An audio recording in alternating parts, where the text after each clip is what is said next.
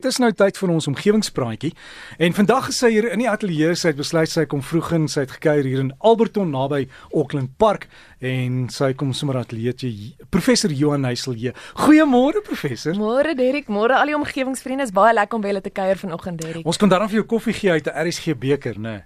Ja, yes, Derek, lekkerste koffie wat ek nog ooit gehad het die tyd van die oggend. En jammer jy moet so vroeg opstaan. Gewoonlik doen jy die program in jou nagklere en jou pyjamas, maar ek sien jy het daarom mooi aangetrek vir volgende. Ja nee, dit is spesiale geleentheid. Dit is nou eh, 'n uh, jaar wat ek nou saam met julle hier gesels, so ek het besluit laat ons inkom en kom kyk waar kruip julle weg in die oggende vroeg in of julle nog in pyjamas sit hierdie tyd van die oggend. En sit ons in. Nee, julle lyk vir my baie netjies, Derek, so en baie lekker koffie sit. Dit is is baie lekker om by julle te kuier. Nee, want Renske, ek sien sy het tot haar hare gekam vanoggend, jy weet gewoon.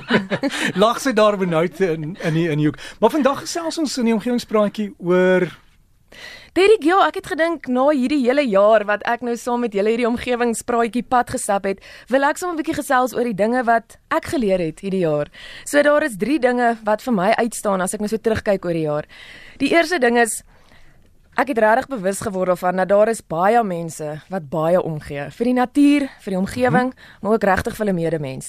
So ek het deur hierdie jaar en deur die omgewingspraatjies soveel wonderlike mense ontmoet wat hulle tyd en hulle en hulle energie, maar ook selfs hulle eie geld aanwend om die omgewing en die lewe vir ander mense beter te maak.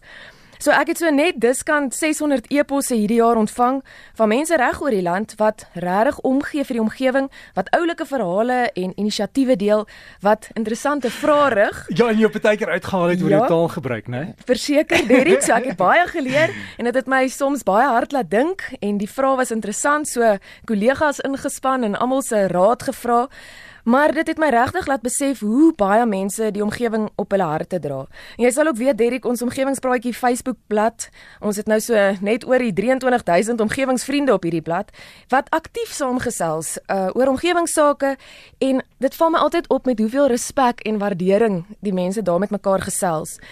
Um, ek was bevoorreg om van hierdie mense, van hierdie omgewingsvriende in persoon te ontmoet en dit het regtig my lewe ook verryk en my net opnuut laat besef Hier is baie mense met omgee harte hier in ons land. So die tweede ding wat ek geleer het, is dat bewusmaking baie belangrik is. Ehm um, daar's soveel goeie stories van hoop in ons land wat baie keer nie noodwendig vertel word nie. Daar's baie goeie navorsing wat deur plaaslike universiteite gedoen word wat nie goed genoeg gekommunikeer word na buite nie. So ons weet eintlik baie keer net nie daarvan nie. Maar in dieselfde asem het ek regtig ook bewus geword en was ek baie keer verstom om te besef hoe baie mense nog nie bewus is van groot omgewingskwessies nie en hoe groot taak ons het om hierdie breë publiek bewus te maak van ons eie omgewingsimpak en en wat ons kan bydra om hierdie impak op die omgewing te verminder. Nou Dominee Jakob Badenhorst het eendag vir my geskryf dat bewusmaking in verskillende kategorieë val. So soms kan die individu iets aan die saak doen en soms kort dit maar die ingryping van owerhede of besluitnemers in hoër posisies om hierdie verskil te maak. Maar bewusmaking is maar altyd die begin van enige oplossing. So in 1969 was daar baie invloedryke boek 'n uh, boek gepubliseer deur 'n outeur Sherry Arnstein wat nou hierdie verskillende vlakke van publieke deelname beskryf het. En ons verwys vandag nog na hierdie vlakke van publieke deelname as 'n leer. So aan die onderkant van hierdie leer is daar basies geen publieke deelname nie. En dan aan die bopunt van hierdie leer is die publieke deelname het hulle basies volle beslissingsmag. En bewusmaking is natuurlik die beginpunt van hierdie leer, hoe mens teen hierdie leer kan opbeweeg. As ons byvoorbeeld dink aan die praatjie wat ons gehad het oor plastiekstrooitjies en hoe skadelik vir dit vir ons omgewing en vir marine lewe is, dan aanvanklik is dit vir jou interessant om te weet en na mate jy meer daaroor dink en self daaroor begin praat, dan begin mens besef ons kan en ons moet ook self iets aan hierdie saak begin doen. En dit is wanneer bewusmaking oorgaan in aksie. So bewusmaking is regtig baie belangrik en en ons het 'n baie belangrike werk in ons land en in die wêreld as dit kom by omgewingsbewustheid. So Derek, hier kan ons eintlik regtig dankie sê vir vir jou en vir RSG wat hierdie platform vir ons bied en vir ons omgewingsvriende wat help met hierdie groot taak om omgewingsbewustheid te skep in ons land en in in die wêreld. En dan die derde ding Derek wat ek hierdie jaar geleer het is Mens kan maar altyd kies hoe jy na dinge kyk en en hoe jy na die lewe kyk. Uh, soos Dominee TV Pieter se gereeld vir ons sê, mens kan kies om 'n verskil in 'n stikkende wêreld te maak. Dominee TV is ook baie betrokke by die Kolini projek en dis 'n sprekende voorbeeld van om 'n verskil te probeer maak in 'n stikkende wêreld. En ek dink baie keer is ons oorweldig met hierdie veelvuldige uitdagings in ons land en dis maar moeilik om positief te bly. Um Maar destyds as universiteitsatlete het ons hekkie afrigter altyd vir ons gesê beheer die beheerbare. So tydens 'n 400 meter hekkie wedloop is daar 'n klomp eksterne faktore wat jou wedloop kan beïnvloed, nê? Nee, dis nou die rigting waarin die wind waai of die temperatuur of as jy binnebaan of buitebaan hardloop. Maar nie een van hierdie faktore kan die atleet beheer nie. So dit help nie om jou addisionele energie daarop te mors nie. En ek dink dis ook so waar in ons omgewing en in ons elke dag lewe. Daar's baie dinge wat ons nie kan beheer nie, maar daar's baie dinge wat ons wel kan beheer.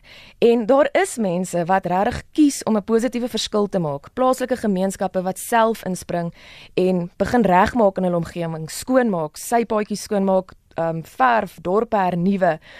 En dit was vir my so wonderlik om hierdie jaar van hierdie mense te ontmoet en daai positiwiteit te ervaar en net te besef daar's regtig mense wat dit kies. Hulle weet wat se realiteite, hulle weet wat se uitdagings, maar hulle kies om regtig daai verskil te gaan maak.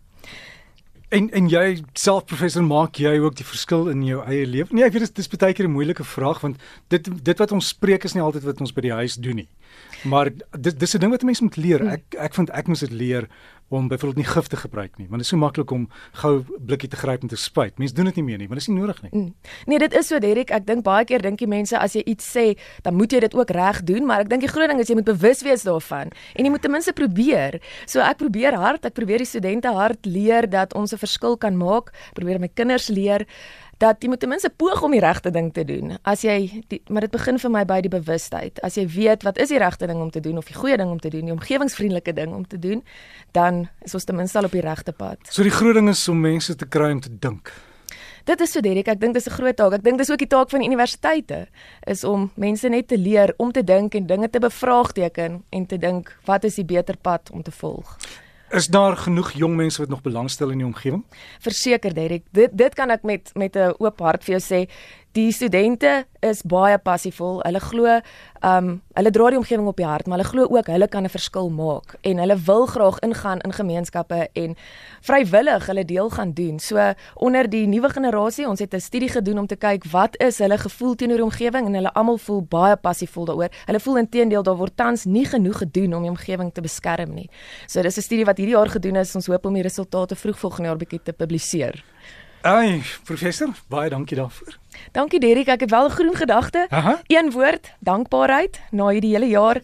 Ek dink dit is 'n belewenis, maar ook dit is mense dankbaarheid om te weet daar's soveel mense met omgee harte wat in die ware sin van die woord omgewingsvriende is. So ek's baie dankbaar. En ek het na die dag met 'n skok uitgevind ons was in dieselfde skool laerskool en hoërskool. Dis dis so klein die wêreld is. Dis is daar ding soos toeval, maar dit beteken ek dink ons skole was goed geweest. Ek dink is baie goeie skole geweest nee, hierdie. Dis baie goed. Maar maar ek weet hoërskool was jy Alberton, nee. In Alberton? Mm -hmm. Ja. Marefiljoen. Marefiljoen, ek weet nie of ek mag sê nie, ek ja, spang nee, jy nee, en nee. Renske val my hierso aan as ek iets sê. Ja, Marefiljoen in laerskool in Tiwassenaar. So ek was baie verbaas om te hoor jy was ook in in die twee skole. Dis nie noodwendig die die voetskole nie hm. of ja, dit is Ja, dis ek weet uh, die die skool Marefiljoen in Alberton doen nog steeds baie goed. Hulle is 'n baie goeie skool en ons het seker maar diep voetspore daar getrap. ons kan seker daarom as 'n bietjie van die blame op ons eie skouers neem, né? Ja, moet wees Derek, hulle het iets reg gedoen. so dalk sal hulle ons eendag uitnooi na een van hulle reunies of so. Ons hoop hulle luister, Derek. Ek glo hulle luister. Professor baie dankie en baie geluk met 1 jaar se omgewingspraatjies. En Dankie, hoe gaan dit met uh, met wat jy ander professor Kobus? Dit gaan baie goed met prof, professor Kobus. Ek het hom in die week raak geloop. Toe sê ek vir hom ek het my jaar gedoen. Ek voel dis tyd. Hy kan weer nog 'n jaar insit. Toe sê hy nee, hy geniet nou baie sy naweke en sy kleinkind en die familietyd. Maar dit gaan baie goed met hom.